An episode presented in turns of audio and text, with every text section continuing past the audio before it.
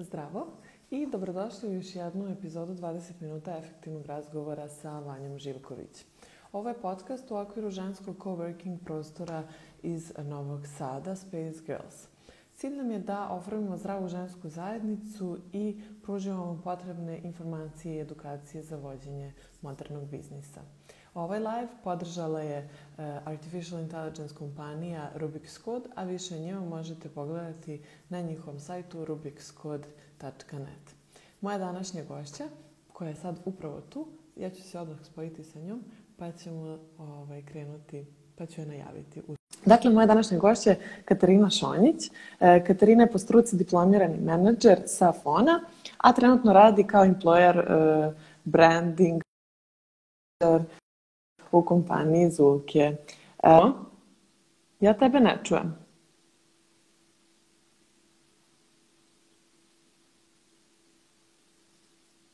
Opet te ne čujem.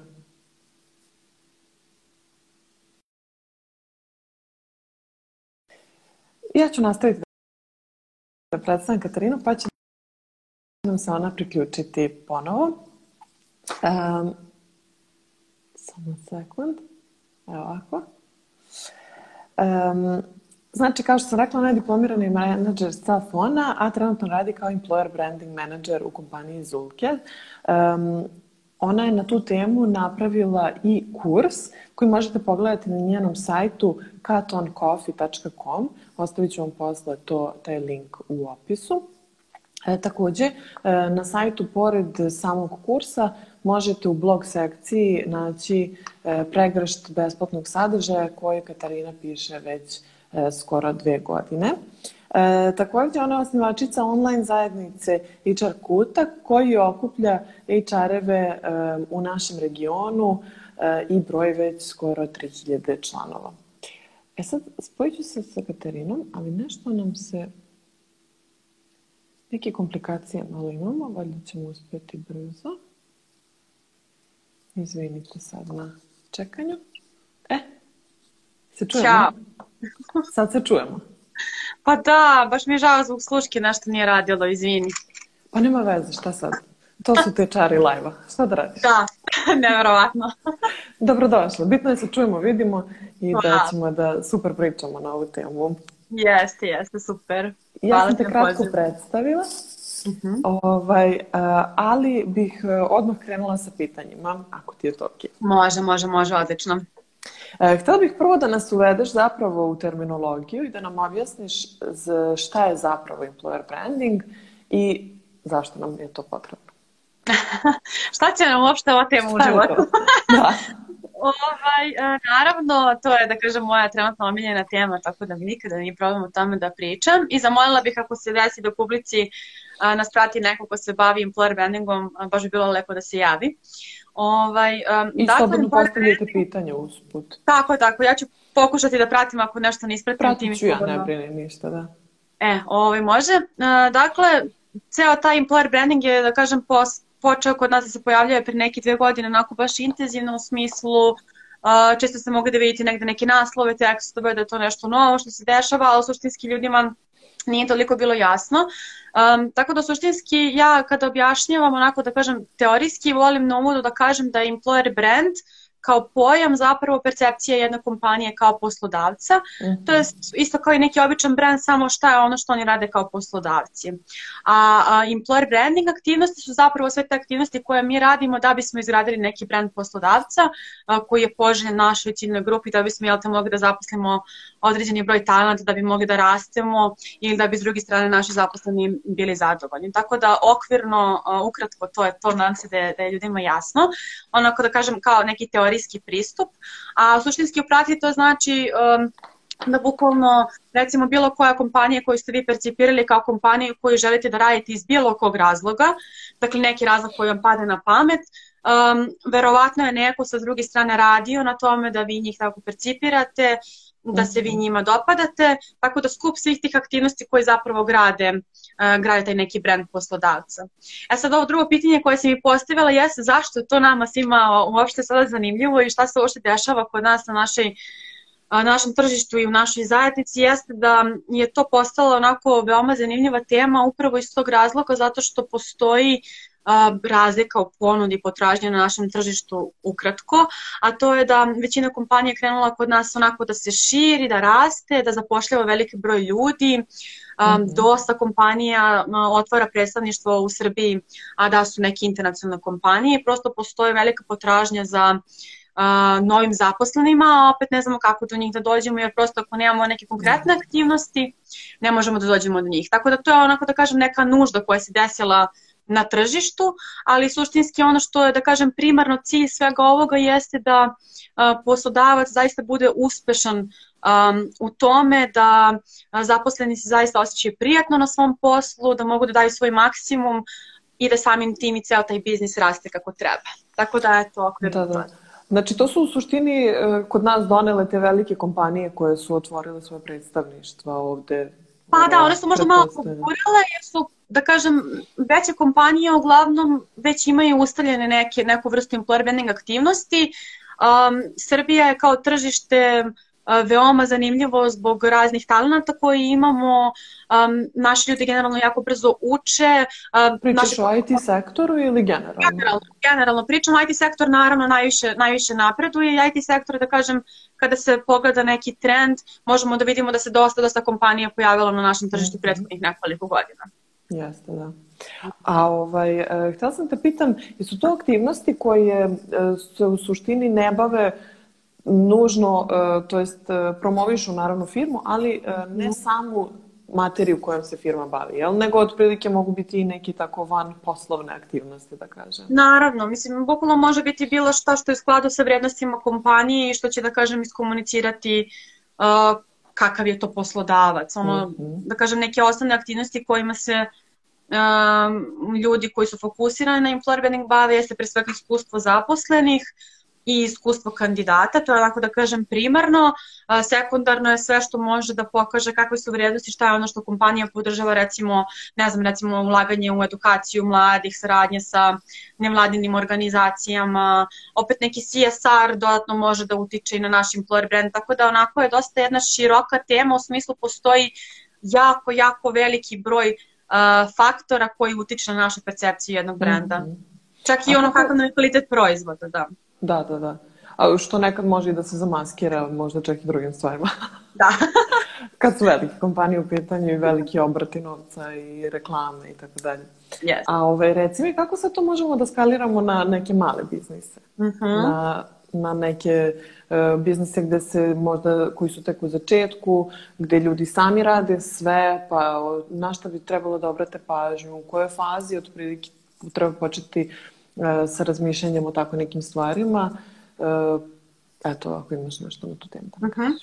Naravno, ja isto o tome volim mnogo da pričam u kontekstu malih biznisa, startupa i ljudi koji uopšte započinju neku svoju priču. Ono što je mhm. mnogo važno da istaknem sada jeste da vaš taj employer brand ili da se vi percipirate kao poslodavac, iako to možda previše oficijalno zvuči kada su u pitanju mali timovi, uh, od starta, znači od kada počnete svoj biznis, vas ljudi na neki način percipiraju kao poslodavca u teoriji. To u praksi znači da ćete vi od starta će vam trebati neki tim ili neki saradnici, čak i ljudi koji su kao pojedinci koji pokreću svoj biznis, uvek će imati neke saradnike sa kojima će raditi na nekim aktivnostima. to je opet neka vrsta davanja posla. Naravno, posle kada se mhm. širi tim, čim su dve, tri osobe nove, um, to je već, uh, vi morate da imate neku vrstu ponude zašto bi ti ljudi vama dali svoje vreme, uh, zašto bi uopšte uložili energiju u biznis koji vi gradite, Mm -hmm. tako da je jako važno da se tome barem u startu razmišlja, da imate tu percepciju da znate da je zaista potrebno da damo vrednost ljudima sa kojima želimo da sarađujemo da bi oni nama dali nazad vrednost.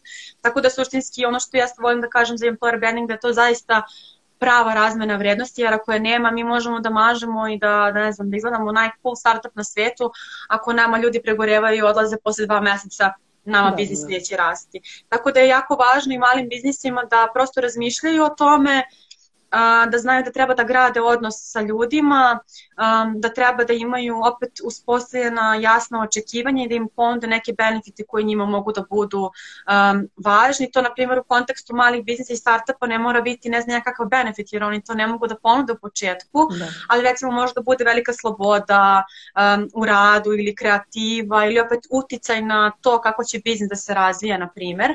I to je mhm. nešto što bih ja rekla da su stvarno veoma značajni benefiti u takvim situacijama. E sad, posle, naravno, se zavisi u kom pracu se kompanije razvijaju, ali ono što je stvarno praksa pokazala i što je meni rekla, mislim, ne znam koji broj ljudi, jeste da čim kompanije dosegnu, recimo konkretno, znam na primjeru IT kompanije koje ono mhm. rastu, krene od, nekog, od neke ekipe, onda se oni razviju i dođu do 20-30 zaposlenih tako što imaju, ne znam, drugare s faksa, preporuke i već negde do 30 zaposlenih oni su iscrpeli sve svoje resurse I nakon mhm. toga već moraju stvarno aktivno da uložu u employer branding aktivnosti da bi bili vidljivi na tržištu. A oni mhm. ako pre toga nisu o tome razmišljali, oni od starta da krenu tad, njima će trebati prilike bar godinu, godinu i po dana da osete rezultate nekog tog rada u toj oblasti. Tako da zato mislim da je mnogo važno razmišljati o tome u početku, ali ono na nivou da imamo lepu timsku kulturu, da sve ide kako treba i da ukoliko treba negde nešto eksterno da iskomuniciramo da to stvarno bude, da rezonuje sa nama, što je mnogo važno. Da, a ovaj, kako bi neku uh, tu kao svoju strategiju, odakle uh mhm. -huh. da krenu ljudi? Ovaj, uh mhm. -huh. sa, kad je mali biznis u pitanju, kad prosto je to sve samo, sami radimo, na primjer, uh, odakle krenuti? Uh mhm. -huh.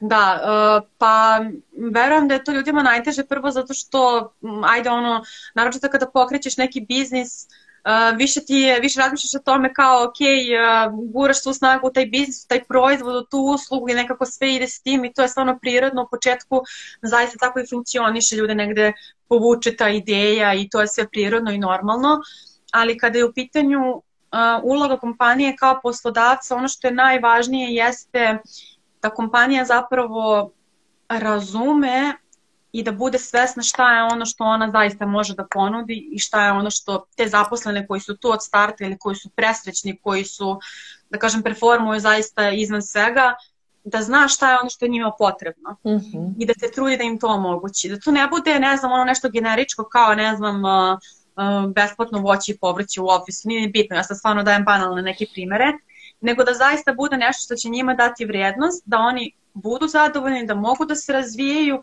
da usmere aktivnosti na to i da shvate šta je ono što je unikatno kod njih kao poslodavca. Mm -hmm. Ono što da. volim da kažem jeste da svaki poslodavac ima neku svoju specifičnost i da, zaista da, da. je tako. Ne postoji ni jedan tim koji je isti na ovom svetu. I tek onda kada kao definišemo šta je to što naš čini zaista takvim kakvim jesmo, onda možemo dalje da idemo da komuniciramo eksterno kroz oglase, kroz društvene mreže i slično. Tako da je prvi korak to da definišemo ko smo, šta smo, šta ono što naše ljude čini srećnima i da onda dalje to eksterno komuniciramo, a to se u employer branding svetu zove EVP ili Employee mhm. Value Proposition i postoji uh, proces kako se to kreira, to je ono možete da uradite sa nula, sa nula uloženih sredstava, a sa puno uloženog vremena. Ove, ja sam isto kreirala priručnik za to, tako da to možete isto da preuzmete na mom sajtu. Um, jako je lepo. Ostavit ću link posle ovaj, u opisu. E, da, da može, može, super. Tako da, eto, to je to, je bio moj odgovor. Aha, dobro. Ne, ne, nešto sam te prekinula sad do ove poslednje, ali... No, nisam, nisam. Dobro. E, a ove, reci mi, e, ako neko želi da počne da se bavi uh, employer branding uh, man, menadžerstvom, na koji način može da počne da se bavi tim? Gde da krene da se raspituje, da se edukuje, da... Eto, ti imaš, na primjer, svoj kurs, ali mhm. ti, nis, ti jesi menadžer po struci, ali Kako si da. došla do toga da postaneš employer branding manager? Da, uh, pa ajde, možda mogu da ispričam svoju priču, pa onda da kažem kako, kako da. drugi ljudi mogu da dođu do toga. Ove, ovaj, pa moja priča je išla tako što sam ja završila fakultet, to jest nisam, paralelno sam ga završavala, ali u glavi sam završila fakultet i onda sam rekla što ću da radim sad u životu, nemam pojma, ove, ovaj, otprilike imam toliko opcija, ne znam šta je za mene. Ja sam naravno ranije još volontirala pokušavala sam da se pronađem u tim nekim part-time poslovima i volonterskim angažmanima um, i u jednom trenutku sam otkrila employer branding kao kombinaciju stvari koje ja volim, a to je zapravo rad sa ljudima, komunikacije i taj neki event management koji mi je, da kažem, tu bio uh, već godinama prisutan. Ovaj, tako da um, se meni to dopalo zato što je jako dinamično okruženje. Ovo je jedna od onih oblasti koja je zaista jako, jako, jako, jako važno da konstantno pratite šta se dešava i da konstantno učite nove stvari što se meni sviđa. Ja kad bi radila jedan posao stalno, verovatno bi mi to jako brzo dosadilo. Da. Ovaj, tako da mislim da ovim poslom mogu da se bave ljudi koji nemaju, koji nisu uh, formalno obrazovani u nekoj sličnih oblasti, dakle da imaju, ne znam, sa ono, psihologije, uh, opet fona ili bilo kog sličnog fakulteta. Mislim da to nije važno. Važno je da imamo um, da se negde po, poklapaju vrednosti kompanije sa tim što oni žele da rade. Dakle, da, da, da razumeju stvarno šta je ono primarno da treba da se uradi za ljude, da njima bude lepo u toj kompaniji, dakle da i budemo možda čak i orijentisani više ka ljudima nego ka rezultatima, to je sad kao ovaj neki subjektivni zaključak, a s druge mhm. strane i da malo razumemo kako funkcionišu komunikacije. Mislim da ljudi u employer brandingu zaista treba da razumeju um, komunikacije kao takve, okruženje na koji način se, ono, ne znam, hendluju neke krize, kako funkcioniše digital, mm -hmm. tako da su više da je važno da imate interesovanje za tu oblast, nego da ste vi sad završili neki fakultet koji stvarno nema veze sa praksom. Mm -hmm. Da, da. Da, znači, tako da to... okrenuti se ljudima u stvari. Tako je, tako je i naravno pratiti trendove, zato što je ova oblast koja se stvarno menja. Ovo što je sad aktualno ove godine, prošle godine i pretprošle možda nije bilo uopšte ni prisutno. Dakle, važno je da, da želite da učite i da, da pratite šta se dešava i naravno da imate interesovanje za te za nekoliko različitih oblasti, jer nikada mm. nećete raditi samo jednu stvar. E sad, kako, kako doći da. do informacija? A, a, slobodno možete meni da se javite. Ova, ja inače a, zaista mnogo volim da upoznajem ljude i meni kad se neko javi da je krenuo da se interesuje za employer branding, ja sam presrećna. Mm -hmm. ono, prvo, prvo me uhvati ono gomila pozitivne energije i sreće kao super, još neko mi se javio. A, najčešće mi se javljaju studenti fona, verovatno zato što oni, da kažem, imaju uh, um, neke slične stvari uče na fakultetu, pa im je to kao neki prirodni sled okolnosti mm -hmm. uh, za dalje. Tako da slobodno mi se javite ako, ako vas zanima oblast, bit ću stvarno um, veoma otvorena da vam pomognem. Um, ono što je važno jeste da prvo kao, ok, shvatite da vam se ovo sviđa. to je prva stvar. Druga stvar je da a, zaista znači, želite da učite, to je mnogo važno. Mm -hmm. E tako onda nakon toga a, možete da se, da se prijavite na gomilu nekih a, simpatičnih newslettera, da krenete da čitate, da istražujete oblast, da vidite šta to tačno sve podrazumeva. Ova, između ostalo, kako ja pišem neke svoje misli, savete na osnovu prakse, trudim se da podelim sve što ljudima može biti korisno. Ovaj, dakle, onda na malo da se... blogu, je li tako? Da, tako je. Ovaj, I onda da se malo uključite u zajednicu, da vidite šta je ono što ljudi koji se bave ovom oblašću rade na našem tržištu, kako pristupaju tome, šta se uopšte dešava. Dakle, jako je važno da uđete u tematiku. Mm -hmm. um, jako je specifično šta rade poslodavci, kako se menja tržište, opet se Srbija dosta i otvara za globalno tržište, tako da je jako važno da malo osetite šta se tu dešava i da onda konkretno krenete da se spremate za akciju, a najbolje je da to učinite ili ako imate prostor da eksperimentišete sa nekim projektima u okviru kompanije, dakle da predložite da se nešto konkretno uradi mm -hmm. ili da se edukujete, da prođete neki kurs, um, ili da pročitate neke priručnike i da onda krenete odmah to da implementirate. Mm -hmm. Ovaj, to je jako važno. E sad, u slučaju da radite u nekoj kompaniji na nekoj drugoj poziciji, nažalost nema puno otvorenih pozicija baš konkretno za employer branding, upravo jer je ova oblast koja se tek razvija. Mm -hmm. Je li tako i u svetu ili je to kod nas e, situacija? To kod nas. To je, to je definitivno kod nas. Uh, u svetu je ova oblast već onako, mislim u svetu, što znači kao svetu, sve osim da. Srbije. Nije baš, ali pa, recimo, da. Evropa, ova je tema već koja postoji neko vreme, mislim pojam je nastao pre 30 godina. Tako da nije baš, da, nije baš od juče, da. ali nažalost još uvek, mislim, krenulo se da se pojavljaju pozicije i ja svaki put onako slavim kada vidim oglasa za posao. Ovaj, tako da u toj mojoj online zajednici koja je skroz free, Uh, možete se prijaviti preko newslettera ili da mi se javite pa da vas ubacim, nije ni važno. Ja recimo uvek podelim kada, kada se pojavi neki oglas za posao koji je, koji je zanimljiv. Mm -hmm. Super, super. Znači sam odgovorila na se raspričala. Pa mislim da jesi, ali super mi je, na primjer, nisi uopšte pomenula svoj kurs, nije mi to super, nego uopšte nisi pomenula svoj kurs, to nije dobro, zato što ti si u svom kursu sigurna sam podelila svoje iskustvo, kako početi, materijale za učenje i slično. Molim te da se izreklamiraš zato što je to ok, jer nekome će možda trebati. Um, tako da njen kurs i sve o njenom kursu možete pogledati na sajtu. Postoje dve cene, jedna je za studente, jedna je za zaposlene, to je za profesionalce, tako? Da, da, pa tako ljudi koji rade, da. Da, Tako da, ovaj, ako imate nekoga ko studira i kome je to interesantno, ima priliku da e, ima i povoljniju cenu, tako da, eto, možete to da prenesete dalje. Pošto je ovo u suštini poslednje pitanje koje imam konkretno za sam employer branding, pa bih onda nekako zaokružila time priču. Ako imaš Hvala. nešto da dodaš, mislim možemo da se vratimo naravno posle na, na to, ali ako imaš još nešto sad da dodaš, eto. Ovaj... Pa dodala bih da je meni, da kažem, proces kreiranja kursa bio jako, jako zanimljivo iskustvo mm -hmm. i mhm. mogu reći da sam tu kombinovala dosta nekih stvari koje se tiču prakse uh, i koje se tiču teorije. Mislim da je ipak mm -hmm. jako važno da neke teorijske koncepte razumemo i da dođemo svi negde sa zdravim osnovama da bi mogli dalje neke stvari da implementiramo i da menjamo. Da, naravno. Ovaj, tako da sam na to baš ponosna jer ono, desilo se konačno da se napravila neku kombinaciju nečega što je zaista primenjivo. Jer sam ja prošla kroz dosta nekih kurseva, um, akademije i slične stvari, to ljudi pričaju neke abstraktne stvari i onda kao ti -hmm. posle završiš i ne znaš šta ćeš dalje.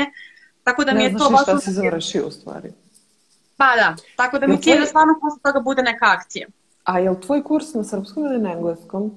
Je, na srpskom je, na srpskom. I to je isto zanimljivo, pošto nemamo dovoljno nekako edukacija na srpskom jeziku koja da. tako sve obuhvatne i ovaj, da, koje da. se odnose baš na naše tržište, pogotovo kad su tako neke stvari koje kod nas nisu previše razvijene ili kao na primjer kad se priča, eto meni konkretno uvek problem kad čitam neku knjigu o financijama ili nešto čitam na tu temu, to uglavnom bude za američko tržište, to kod nas pola nije premenjivo. Nema konta. Nismo mi došli do toga, nismo drugačiji nam je prosto sistem i onda eto to je na primjer moj problem. Tako da super je i da imamo na domaćem tržištu ljude yes. mlade koji nas dalje obrazuju. E sad, ja bih uh, krenula, da, uh, htjela sam da te pitam za, uh, pomenula si kao da je to sad okrenuto kandidatima i kako privući mm -hmm. buduće kandidate. E, kad su kandidati u pitanju, zanima me uh, koji su to neki iz tvog iskustva uh, pro, uh, razlozi zbog kojih ljudi dođu do toga da mhm. žele da promene posao? Da, um, to je sve jako, jako zanimljiva tema i to vam baš volim da pričam. Eh, kod nas postoji, ja mislim, taj neki stereotip da čoveku ponudiš veću platu i on promeni posao ovako, kao sve je u kešu. Naravno, da. postoje, postoje ljudi, postoje ciljne grupe koji jesu takve i to je stvarno jasno nekad ljudi u nekom periodu života zaista žele da imaju veću platu i to je ja, legitimno, normalno. Da. Ali važno je da, da postoji prosto jedan ceo uh, proces kako ljudi dolaze do toga da da odluči da promene posao. Nekad neko promeni mhm. posao iako je u kompaniji srećen i zadovoljan, nego prosto vidi neku drugu priliku za sebe ili vidi neki veći uticaj u kompaniji i zbog toga žele da promene. S druge strane, postoje ljudi koji su jako nezadovoljni zbog nečega i bukvalno ono i za manju platu bi promenili uh, mm -hmm. posao.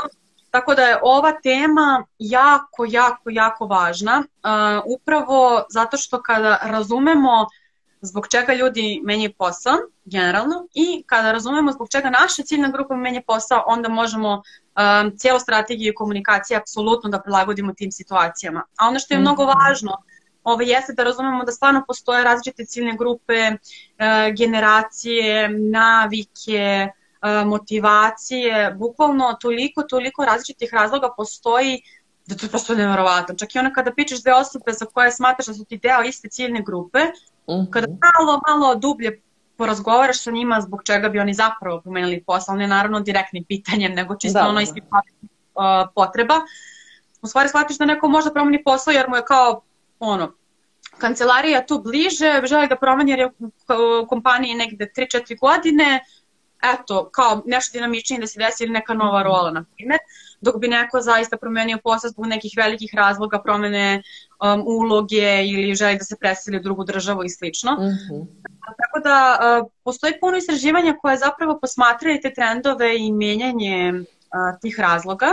Mm -hmm. uh, naše tržište takođe, da kažem, postoje neki način nekako možete da dođete do toga, ali uvek je dobro uh, pričati sa zaposlenima ili sa kandidatima na intervjuima za posao. Um, I to su neke stvari koje se iz godine u godinu menjaju. Recimo, prošla da. godina baš bila specifična i ljudima je bilo važno da budu bezbedni, da znaju kada da. promene, ako promene posao, da će ta kompanija biti baš bezbedna. Mm -hmm. Tako da postoji neki eksterni faktori koji utiču na, na to zašto će ljudi menjati posao, ali samo sam želela malo da, da kao razbijem tu monotoniju u smislu da zaista su dublji, mnogo dublji razlazi nego lova ili ne znam, neki uslovi putovanja i slično. A mislim, pogotovo što ljudi nekako zanemaruju taj e, faktor da kada je plata viša, da su i mm. obaveze veće i da su odgovornosti veće i da ništa nije to ovaj, tako, eto, samo evo ti kešina. tako je, baš to. Da, a ovaj, ima to jedno zanimljivo stanovište da, e, koje su milenijalci izmislili, e, da Aha. treba menjati um, karijeru na svake dve godine.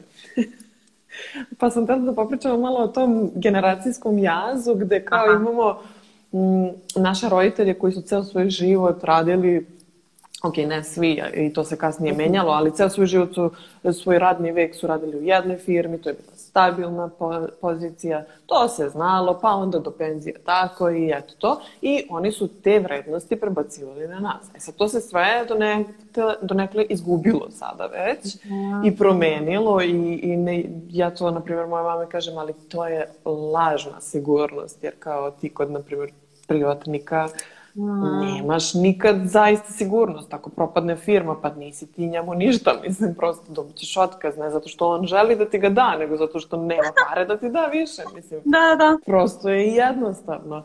I onda, mislim, to je bilo ovaj, naravno rasprava kad sam ja uh, kretala uh -huh. da dajem otkaz i razmišljala o tome, da pređem u preduzetništvo. Uh mhm. -huh. Pa je onda moja mama je to bilo strašno. Ali, da. ovaj, da. Mislim, bilo i meni, naravno, ali na da, nekoj da, da. drugoj razini. Uopšte nije uh, isto strašno kao što je njoj strašno. Aha. Pa sam eto tada te pitam uh, da nam prokomentarišeš taj generacijski jaz sa ovaj, profesionalnom pa, to je, pa samo o tome možemo da pričamo dva sata. kako to mislim samo da prokomentarišem? Šalim se. Ovaj, pa, znaš kako, um, generalno te, ja mislim da te razlike više ne možemo ni da ispratimo. U smislu, mm. meni je to ranije bilo simpatično, zanimljivo da malo čitam, da pričam s mlađim ljudima, ono, naročito kad idemo na te događaje, nažalost prošle godine nismo, ali ja zato mnogo volim da idem na job fairove, da vidim kako studenti razmišljaju, šta se promenilo, iako realno od trenutnih studenta ja nisam nešto puno starija, znači u pitanju da. su ono 5, 6, 7 godina, nije nešto strašno, ali to su dva totalno različite sveta. Znači od da, da, da. toga ono kako percipiraju poslovni svet do toga koliko se vezuju, zašto se vezuju i šta im je uopšte važno. Ono, mislim, generalno i mladi jako kasno dođu do tog trenutka da zapravo shvate šta im je važno na poslu. Tako da ceo taj, da. ceo taj proces i uopšte cela digitalizacija i to da ti je sve dostupno jako, jako puno uticalo na to da danas mogu a, mnogo brzo da saznaju ono kakva je situacija u kompaniji, da se brzo raspitaju, da pronađu neke informacije insajderske, tačne, netačne, mnogo, mnogo brže to sve a, funkcioniše i mnogo se brže dolazi do informacije, samim tim i donošenje odluka ide mnogo brže. Ti ranije, ako si hteo da menjaš posao, to je možda bilo vaganje jedno, dve godine. Ja mislim da su oni vagali da menjaju posao. Misliš? Pa naši roditelji, ako su menjali posao. Da. Ako su menjali. Da. O, Ali ja, primjer, da... zanimljivo da moja mama koja je imala taj otpor, ona je prva menjala posao. Stvarno? Wow. Pa dobro, da, do, duše malo je bila komplikovanija situacija, Aha. to su bile 90. pa je to bilo i yes. neko neko neplaćeno odsustvo, zato što bukvalno je i, prisustvo bilo neplaćeno. Ovaj. Tako da je drugačija situacija, ali da. Suštinski, mislim, da, totalno je okej, okay, da, i vremena kroz koje su naši roditelji prolazili, stvarno to ono ne može da se, ne može da se poredi, ali ono što hoću da kažem da danas um, svaka generacija nosi, čak i u okviru same generacije uh, imate opet neke, neke male razlike kako, um, kako percipiraju ošte poslodavce i šta je ono što su njihovi glavni motivatori. Ono što je meni mhm. recimo baš bilo zanimljivo, sad iskreno ne mogu da se setim, pokušala sam danas da pronađem gde sam to pročitala, ali nisam uspela, izvinjavam se. Uh, bilo neko istraživanje koje je pričalo o tome kao sad um, um, generacija XYZ i sad šta se dešava, koje su ključne razlike. I ono što je meni ekstremno, ekstremno bilo zanimljivo jeste da sada recimo trenutni studenti i oni koji razmišljaju o, o profesionalnoj karijeri, da je jedan od njihovih glavnih motivatora, to jest ono što je njima najzanimljivije, jeste um, da prate poslodavce koji vraćaju zajednici, koji su kao društveno odgovorni. Mm -hmm. Jel to, Ali ne ono izvini sad, opet ja dosadna. Aha. Jel to opet kod nas ili u inostranstvu? O, globalno, znači ovo je globalno istraživanje. da, o, ovaj, da. Ovde kod nas uh, sam isto čitala neke slične stvari, ali recimo kod nas uh, mladi, uh, njima je recimo naj, najzanimljivije da mogu brzo da uče, da se brzo razvijaju, da imaju neki mentorski uh, mentorski rad sa, sa poslodavcima, a to je bilo istraživanje na studentima koji još uvijek nisu krenuli da rade. Um, ovo više pričamo o ljudima koji su mladi, koji imaju otprilike godinu, dve dana iskustva. Meni je to bilo baš zanimljivo. Recimo, yes. meni je to trend koji dolazi da danas će više gledati ono um, ako si, ne znam, ako zagađuješ ili nemam pojma, ako ne vodiš računa o okruženju um, ili imaš neke, ne znam, ono, lošu reputaciju u nekoj oblasti, da će te mladi ono kao neće želiti da rade za tebe. Ne mora pa da znači da, da biti tako, ali da. Da. Pa dobro, sad se baš se ovaj, diže svest o svim tim stvarima, čak i kod da. nas i o da. drživosti generalno i mm -hmm. o mhm. e, fast fashionu, ekologiji i tako dalje. Mislim, i razumem to do nekle, zavisi naravno i za mm, ono, ličnu situaciju pojedinca i sve ostalo, da. ali ja prva ne bih iz nekih moralnih razloga mm -hmm. radila za nekoga ako nisam ugrožena, pa sad su mi neophodne pare i to je jedini posao koji mogu da dobijem. Ali generalno za nekog velikog zagađivača ili za nekog ko uh mhm. -huh. izrabljuje ljude, iskreno ne bih, ne bih aplicirala. Tako da, pa da zanimljivo. Nisam razmišljala o tome do, do sada. Ali u narednih par godina će to, da, još će da poraste u narednih par godina, tako da to je nešto što je kao globalno trend, kod nas je verovatno Sada sigurno postoje, postoje određena grupa ljudi koja tako razmišlja, ali da. mislim da za nekoliko godina će to baš da bude ekstremno, da. Pa jeste, kod nas je to možda malo do, na neki način luksuz razmišljati na taj način, da. pošto jeste. nisu sve industrije razvijene. Uh -huh. ovaj, tako da... Da. Ali dobro, i to će se promeniti, nadam se. A ovaj, htela sam te pitan koliko je zahtevno promeniti profesiju? Šta kad se odlučiš da menjaš i to sve, koliko je to teško o, ljudima da urade? Sad što smo pričali ono da je nekad ranije mm -hmm. trebalo po dve godine da se odluče, a, mm -hmm. a sad im tako je to menjaju zbog toga što im je bliže. Kod, ko, ko ono kad upisuješ srednju školu? Ma to, tam je najbliže. ovaj, pa da, i to je isto uh, jedna stvar koju sam krenula nedavno da pratim, pošto inače uh, HR-om sam se bavila onako da kažem aktivno uh, možda godinu dana, sve ovo je bilo usputno uh, i ceo taj proces uh, procene kandidata, njihovih sposobnosti i veštine je meni generalno jako, jako zanimljivo. Generalno tu nemam nešto puno uh, iskustva i znanja, mm -hmm. ali trenutak kada meni neko kaže da nešto može da izmeri kod osobe, meni je to wow. I sad da. pojavila se neka nova metrika koja se kao zove learning ability, I to je takođe jedan globalni trend koji će kod nas, nadam se, doći uskoro, jer mislim da će mnoga vrata otvoriti uh, raznim mladim ljudima i starijim koji žele da menjaju uh, profesije, a to je kao sposobnost da učiš nove stvari. Mm -hmm. I sad... Koliko ti treba kao vremenski, da. jel? Ja iskreno nemam pojma uopšte kako se to tačno meri. Ovaj, to je u, u mom, ono, kažem, svetu zapravo kao tvoja proaktivnost i koliko se ti mhm. zagrejan, ok, nebitno, ne znam ništa o ovoj temi, ali zagrejan sam da ovo na, naučim, da savladam, to je meni kao ta neka motivacija i drive. S druge strane, naravno, možda imaš neke veštine, da si dovoljno fleksibilan, da brzo uh, menjaš neki način rada, da, da mhm. imaš, da kažem, tu neku slobodu da probaš stvari. Um, tako da to su sad neke posebne veštine i posebne teme. Um, nisam da kažem to stručno, tačno da kažem um, koliko je to lako ili teško. Ja sam ipak menjala poslove koji su bili relativno srodni, uh mhm. -huh. ali ono što je definitivno situacija, s obzirom da se dešava velika digitalizacija raznih, raznih procesa i poslova, um, i da je sve češće potrebno da ljudi budu sposobni da se prilagođavaju tim po, uh, promenama i da uče nove stvari, um, to je nešto što ja mislim da će u narednih 10 godina biti, ja mislim, najvažnija veština. Pa mislim da već sad postaje. Jer evo da. sad i ovo kako nas je korona šutnula u glavu, da tako laički kažem, ali mislim prosto bukvalno je tako to uradila. Mislim da smo shvatili da moramo da budemo mnogo fleksibilniji i kreativniji u svemu što mhm. radimo. I da, pa. baš sam razmišljala i gledam po devojkama koje rade u prostoru, čime se bave, pa imamo, na primjer, virtualne asistente i tako dalje. Mhm. E, znači, postoje profesije koje ne da nisu postojale pre, samo, pre samo deset godina. -huh. nego ti sada otprilike sve što možeš da radiš offline, manje više možeš da radiš i online. Da. Što je suludo. Mislim, realno je suludo, jer pre deset godina ti si imao dva ono online posla da radiš i to uh -huh. je to, mhm. da pišeš neki kopij od prilike da. za Amerikanci.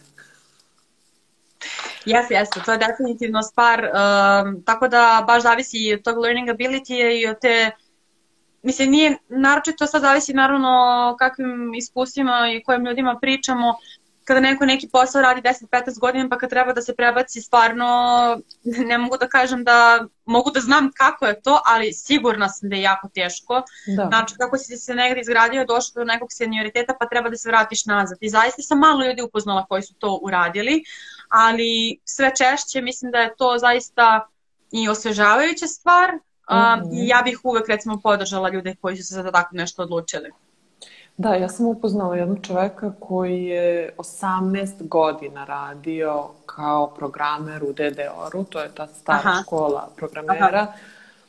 I on je posle 18 godina odlučio da ne želi više da bude ono rob tome, dao uh -huh. otkaz i počeo da drži edukacije po celom svetu. On, znači, toliko je bio zarobljen sam u sebi da je on rekao, ma ne, ne u Srbiji, celom svetu. Tako da on putuje čovek, onako, to je generacija naših roditelja. Ja sam bila udušena kad sam ga upoznala, kad smo krenuli pričamo, kad, koga je sve upoznao, gde je sve bio, šta je sve radio. Za to treba jako puno hrabrosti zapravo. Da, da, da, da. Naočito što i naše okruženje nekad loše reaguje na te stvari. Sve to što nije da, sigurno, da, da. nemoj ti, nemoj, nemoj slučaj. Nemoj, drži se ti toga. da. Da. E, a ovaj, sad bih prešla na deo o zajednicama. E, može. Ove, pošto si ti deo različitih zajednica, bila i tokom života, jedno, neki si čak i osnovala, jedna od njih je HR zajednica koju sam pomenula ovaj, u uvodu, koja je vrlo brzo porasla, prirodno. Da. Pa se, da, tvoja bebica. Um, htela sam da nam kažeš svoje neko iskustvo iz zajednica, zašto smatraš da su bitne, e, pa ćemo posle preći na to kao kako započeti možda neku zajednicu, šta je bitno uh mhm. -huh. kada razmišljamo o tome i tako. Da, ovaj, zajednica je moja druga omiljena tema o kojoj takođe mogu jako togo da pričam. ja sam samo tako i birala.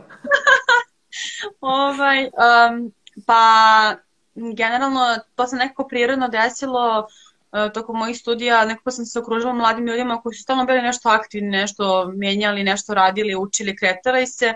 I sećam se, mislim da sam bila druga ili treća godina faksa kad sam, sad su krenula, na, počela ekspanzija ovih meetupa na meetup.com mm -hmm. i ti si tu mogu da uskočiš, da vidiš šta se dešava, malo samo da ono, odeš do startita, ICT huba, malo se prošetaš da vidiš šta se dešava, čisto da upoznaš ljude, da vidiš šta oni uopšte rade. Meni tada to, na primjer, bilo zanimljivo, samo da razumem šta ovi ljudi uopšte rade, kao nije mi ništa jasno, naročito u tom periodu kada sam se pronalazila.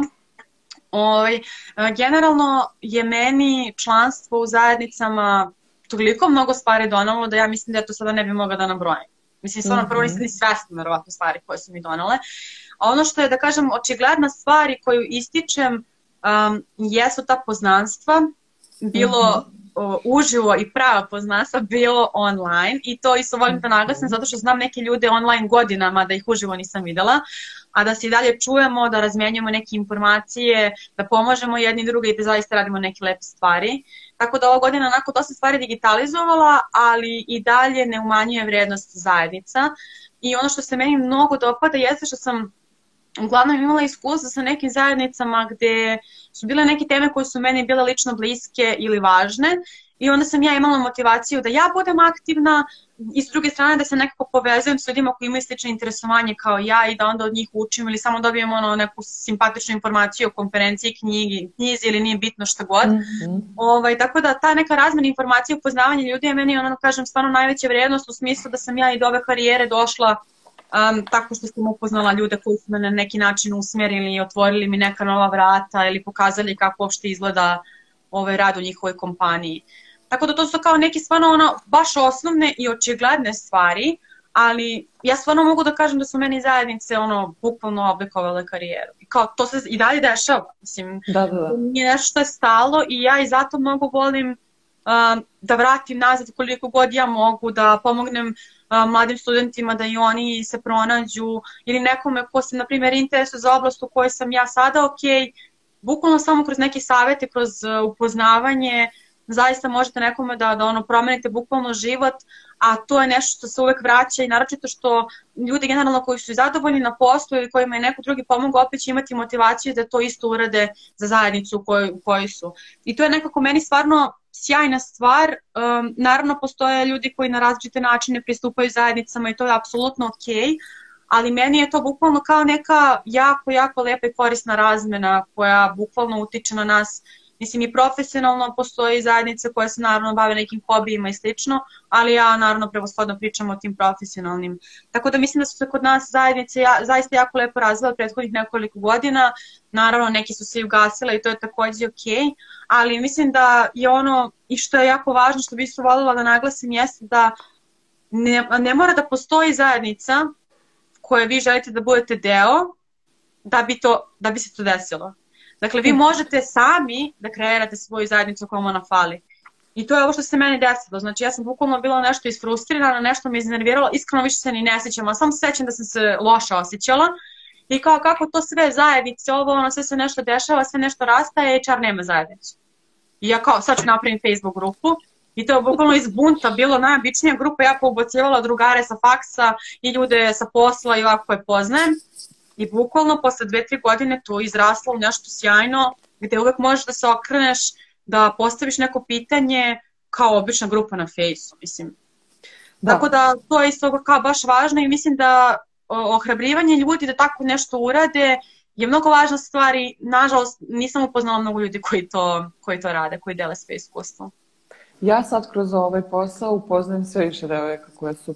I to, mislim, dobra, ja, to mi je ciljna grupa, da kažem, onda više upoznajem e, devojaka koje su to radile, mhm. ali ta proaktivnost e, što se toga tiče, što se deljenja znanja tiče, uh mislim da nikad ne može da bude loša, e, jer kad formirate tako zajednicu, ne morate nužno vi da uvek delite znanje, nego će tu da se baš desi taj Prirod. prirodni flow koji će da teče i da dolaze ljudi, baš zbog toga što se dele, deli kvalitetan sadržaj, koga da. uvek manjka. Koliko -hmm. god nam je sve dostupno, kvalitetan sadržaj uvek je manje nego što treba. Yes. I meni Zato recimo isto mnogo... Izvini. Reci. Ne, ne, reci slobno. Pa meni isto, na primjer, simpatično, što je meni isto bilo ovaj, oslobađajuće, jeste kad uh, upoznaš ljude koji imaju iste probleme kao ti Mm -hmm. I onda kao, ajde bar ovako, bukvalno kao, ajde da se zagrlimo i kao lakše da. mi sad, kao, nisam sama u svemu ovome i čak i taj trenutak, ne moramo čak ni da krenemo pričamo o razrešenju problema, nego samo da podelimo, da znamo da smo svi u nekom istom sosu i opet mnogo, mnogo lakša pozicija i nekako je zajedništvo meni nekako sve lepše. A i ako imate iste probleme, um, ljudi prosto imaju drugačije percepcije na stvari, tako da sigurno ćete zajedno bolje naći rešenje tog istog problema jer ne gledate isto na stvari. Tako da, da to, mi je, ovaj, to mi je sjajno, to stalno kada pričamo o takvim stvarima pominjem i, i prostor gde vidim koliko lepo devojke međusobno se povezuju i pomažu, što na privatnom planu, što je isto jako bitno, mm. Da, što na poslovnom gde se umrežavaju, imamo te neke spontane brainstorming sesije koje su nezamenljive, bukvalno. Tu se rodi još jedno šest novih biznis ideja. Prelepo. E sad, da, a kad si rekla, eto, kao stvorite svoju zajednicu, -huh. to mhm. je nešto o čemu generalno sad onako pričamo o tim nekim buzzwords, Mm -hmm. uh, pa je sada vrlo popularno to kao formirati zajednicu, svaki biznis mora da ima svoju zajednicu i moraš nešto da daš toj zajednici, da to ne bude prazan kontent i tako dalje. To je sve onako pravi se jedan veliki pritisak oko toga šta jedna osoba koja kreće u biznis sve mora da uradi, ali kad već mora, evo mi ovaj, obelodanjujemo šta to sve može da vam pomogne oko toga, da to ne bude bauk, nego da to budu eto, par nekih stvari. Kad se mhm. formira zajednica, čime se otprilike treba voditi iz nekog uh mhm. -huh. svog iskustva? Da, ovaj, pa meni je to, na primjer, nije mi nekako to toliko veliki bauk, zato što mislim da se ništa ne mora. U smislu, vi stvarno ne morate ništa. Mislim, vi ne morate ono, možda imate svoj sajt, proizvod i to je to. Mislim, možete ga prodati, imate prodajnu strategiju i tačka. I tu se priča završava. Ali gde se u stvari, mislim, kad pričamo konkretno o tim zajednicama koje su vezane za neki proizvod, uslugu, nešto tog tipa, jeste da je stvarno jako, jako velika razlika između onoga um, da li je to kompanija koju ćeš jedan posjetiti, kupiti proizvod i otići, um, mm -hmm. ili je to mhm. kompanija na koju možeš da računaš, koja će da ti informiše, koje ćeš na neki način da veruješ. Da. I uh, to kao kada veruješ nekom brendu ili nekoj osobi um, i kada imaš potrebu da se vraćaš ili kada ti je lepo u tom okruženju, kada postoji razmjena nekih vrednosti, znači ne samo oni tebi da daju vrednost, nego i ti njima. Čak i kada mhm. kupuješ njihov proizvod, daješ im vrednost, povratnu informaciju, kad popuniš anketu, bilo što što se dešava u tim zajednicama, to jeste za, razmjena vrednosti i to je za mene jedini način da i ti proizvodi i usluge se i razvijaju u pravcu koji su nama potrebne, i da prosto mi na kraju dana opet i želimo da podržimo tu ekipu i da se ta, da se ta um, razmena vrednosti dešava. E sad ono što je jako važno um, upravo kod kreiranja tih zajednica jeste da uh, budemo svesni šta to tačno za nas znači. U smislu ne treba da bude kao stvar koju kao rade neki tamo brendovi i sad ajde mi to da uradimo zato što smo vidjeli da to super, nego bukvalno treba da razmislimo o tome šta je ono što čini uopšte taj naš sales funnel šta je ono što mi uopšte želimo i možemo da ponudimo for free, da nas ljudi mhm. upoznaju, da nam veruju, da shvate da smo u nečemu eksperti, da naš proizvod ili usluga zapravo nešto znači ili nešto menja. I to su stvari, to je zapravo samo neka vrsta tih eksternih komunikacija, ali pravih, u, u smislu kvalitetnih. Jer to mhm. nije ono kao samo reklama, ja sam nešto rekao, vi meni verujte, nego sam zaista stvarno nešto uradio. I zato da. je taj community management i taj uopšte uh, value driven marketing, da tako kažem, ovaj, a, jeste nešto što je postao trend zato što zaista kompanije koje to rade na pravi način prave veliku razliku i imaju, a, nemaju kupce, nego bukvalno imaju ljude koji um, ne mogu kažem da su partneri, ali da im stvarno veruju na nekom dubljem nivou. Apple je ja, najbolji primer toga, ali najozbiljnije. Mislim, e, ljudi koji su zaljubljenici u Apple to nema. To ide, ono, možemo da se posvećamo na krvi nož, bez razloga. Bez da se zaista nešto ovaj, sukobimo. Ali ne, to se brani Apple. Zašto se brani? Ne zna se, ali se brani. To mi je uvek bilo fascinantno. I šta god da oni izbace, bez, provera, bez proveravanja se kupuje. To mi je da. onako, to ja ne znam, da. svakim čas na tome. To je stvarno preludo. Jeste, jeste, baš mislim, to je neki drugi nivo, drugi svet u smislu um, ono što stvarno može da se nauči iz takvih primera i da se izvuče jeste nešto što bar u nekom prototipu vi možete da probate na vašem primeru um, ili bar da dobijete neku vrstu motivacije, ali ono što, da kažem, meni isto važno jeste da ta zajednica može da bude zaista ne mora da bude klasično ono kao knjiški zajednica, sad mi imamo opet neku grupu ili nešto, ali prosto da, da postoji nešto što možete da uradite for free, a da uh, može da pokaže ko ste vi zapravo, što god da radite i da vam otvori vrata ka tim ljudima, zato što je ta, to, to je zapravo prava ono dvosmerna komunikacija. Da, da. To je, to je nekad teško ovaj, smisliti kanal za to Ako, ali dobro, ajde danas ima baš ovaj, u stvari zbog interneta mnogo više mogućnosti, ali to je u stvari treba sesti, razmisliti tačno šta, šta se u stvari poklapa i sa našim nekim vrednostima. Pa tako je i sve ove zajednice koje su, da kažem, um, prirodno narasle kao što je HR Kutak, um, one su narasle zato što su tu zbog neke potrebe i zbog toga što su, da kažem, ubole neku temu koja je ljudima zanimljiva ili nešto zbog čega žele da se okupe ili nešto što im je interesantno. Znači, ili prosto... nešto što im je potrebno. Tako je, znači ili nešto Da. konkretno što je potrebno ili kao to je samo nešto što nije postojalo, kada je nastalo samo je organski krenulo da raste um, i upravo zato što su se ljudi okupili oko nekih tema koje su njima važne ili eto oko- nekih potreba recimo da su želeli da postanu deo HR svijeta ili šta god, ali to je zaista široka Mhm. zajednica pa zato ne mogu da kažem a, neki konkretan primjer. Da. Za kraj sam tada te pitam kako postati deo neke zajednice. Pa to je najlakša stvar na svijetu. Najlepše je kada ti to ide prirodno. Nekim ljudima to nije prirodno, uopšte nikad nisu razmišljali o tome. Jeste, da. A baš me zanima, ovaj, ne znam da li ovdje uopšte ide interakcija na live-u, ovaj, ako bi mogao neko da nam kaže, ako želite da podelite, to bi baš bilo super, zašto niste deo neke zajednice? Um, ono što meni prvo pada na pamet jeste da možda ne znate da postoji. Ako pričamo Ne- o ovim običnim, znači konkretno zajednicama koje su ono community oriented, znači nema nikakvog proizvoda, ničega na kraju što oni žele vama da prodaju, da vam uvale, već Da. kao grupa, ekipa, čijem, ono, kao, s kojom možete da se družite, po nekom principu. Pa ja mislim da ljudi ne vidi nikakvu korist iz toga i onda Aha. na prvi pogled, Mhm. tako mi se nekako čini, a da je to neko dodatno smaranje, sad ja tu nešto moja piše. Notifikacija na Face To, to, to. ili na Slacku. Da, u Slack. Slack je posebna priča. Ali ovaj, ti svi kanali, mislim da. A, ne znam, zanimljiva je to tema skroz. E, pogotovo što čak i kad si deo neke zajednice, da li si aktivan deo neke zajednice ili si pasivan, da li samo ovaj, posmatraš Da. sa strane ili učestvuješ zaista. Tako da to je onako... Kod nas je networking e, definitivno jedna problematična stvar koja, koja ne postoji zaista.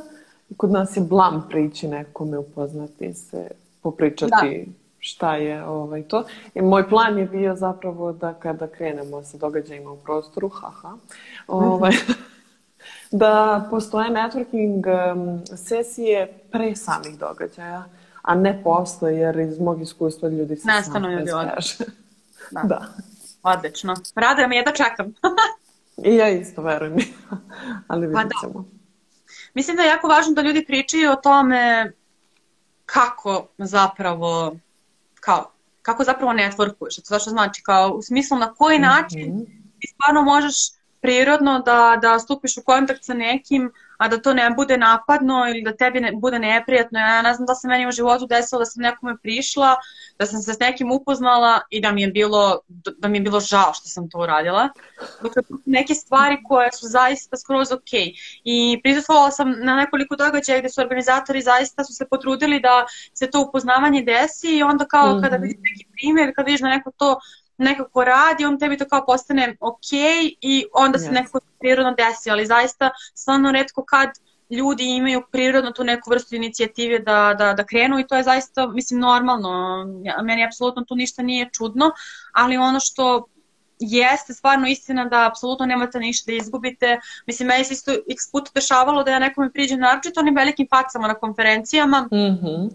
Sam taj lik koji voli da priđe i da pita dodatno pitanje ili da uzme kontakt ili da nešto tu. Super. Ja sad, naravno, naročito ako mi je tema mnogo bitna. Mhm. Ovaj, meni se dešavalo da nekad ljudi ono, žure, nemaju vremena i tu kao, stvarno ništa nisam izgubila. Ono, kao, nije me lik ni, ni prepoznao ni video, ok, Da. da. dodati na LinkedInu, zatražit ću ako mi je potrebno nešto i to je ok, tu se priča završava, ali kao šta je najgore što može se desiti? Pa apsolutno ništa. Naročito što ljudi koji dolaze na događaje ili koji su prisutni u zajednici su prisutni tu zato što žele da upoznaju druge ljude. Tako je, Ovo, tako je. Tako da ako krenemo sa tim mindsetom, mislim da je to onda um, zaista daleko, daleko lakše. E sad što se konkretno kod nas na našem tržištu dešava, jeste da najviše zajednica postoji u Beogradu i u Novom Sadu, uh, Da. fizički. Sad ovo online, ova godina je malo neke stvari promenila, pa je to ok, ali definitivno ja mislim da u kojoj god ste sferi uvek možete da pronađete ili već postojeću zajednicu um, ili na Facebooku ili na meetup.com platformi koju često ističem kada su u pitanju uh, tech zajednice. Mhm. Ukoliko neka zajednica ne postoji, ukoliko vi znate tri osobe koje se interesuju za stvar za koju se i vi interesujete, ja mislim da je sasvim dovoljno napravite Facebook grupu i da to krene samo da se dešava. Pa makar deset ljudi sa kojima vi možete popričati i da kažete, e ljudi imam problem, šta mislite o tome ili ima neko neko iskustvo, to je već to će već prirodno da krene. A posle Ne. razvoj zajednice, to je već da kažem neka druga tema, ali bukvalno samo proaktivnošću ili čak ako, na primjer, znate osobu koja se bavi nekom oblašću koja je vama zanimljiva ili ako želite da uskočite u neku zajednicu iste oblasti, recimo, ne znam, digitalni marketing vam je zanimljiv, bukvalno je dovoljno čak i da pišete osobi koju poznajete, da se raspitate prvo šta uopšte postoji, da samo dođete do te informacije, ali danas je zaista to jako lako. Ja čak Yes. svakodnevno um, i dalje se joinujem na razne neke grupe na Faceu, naravno nisu mi sve po prioritetu iste, ali Mhm. često volim samo googlam šta se dešava online, šta ima na LinkedInu, šta ima na Faceu i često mi izlaze neke nove zajednice, tipa učlanila sam se u employer branding zajednicu u Singapuru. Mislim, to je stvarno najrandom zajednica. Nisam očekivala to.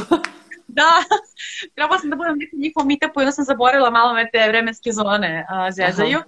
Ali meni su, na primjer, super članci koje one meni šalju. Super mi je zanimljivo da im što Da. čemu oni da pričaju, njihovo tržište totalno drugačije. I ko, ništa nisam izgubila, jeste online zajednica, ali mi je simpatično bar da ispratim šta se dešava. Ako niste deo nikakve zajednice, nađite neki zajednicu nekog benda koji volite. Ja sam skoro, pa mislim skoro, pre jedno, dve godine prvi put ušla u, u, u grupu na Facebooku nekog benda koji volim, koji je dosta underground i ima, u tom trenutku imam samo 500 ovaj, ljudi koji su bili u toj grupi. Aha. Ja sam bila fascinirana. Mislim, ostaćete šokirani koliko ljudi posvećuju vremena tome. Da, da. Mm, Kakve stvari oni tu ostavljaju. Mislim, saznaćete nove stvari. Ako ništa, saznaćete za neku novu muziku. Da, da, da. tako da, eto, probajte se tako nekim jednostavnim stvarima iz svakodnevnog života, pa onda posle možete lako da se priključite ovim ovaj, poslovnim. E, Katarina, to su bila sva pitanja koje sam ja imala. Baš mi je bilo drago da si mi bila, bila moja gošća. E, super si nam sve ovo objasnila i mislim da će biti baš korisno našim slušalcima. Divno, baš mi je drago. Hvala tebi puno na pozivu. Nemam Ovaj, mislim da je ovo sjajno što radiš i želim ti puno sreće u svim, svim narednim aktivnostima i okupljanjima. Bože zdravlje. Hvala ti puno. Hvala vam na slušanju. Vidimo se sledeći ponedeljak. Ćao. Ćao.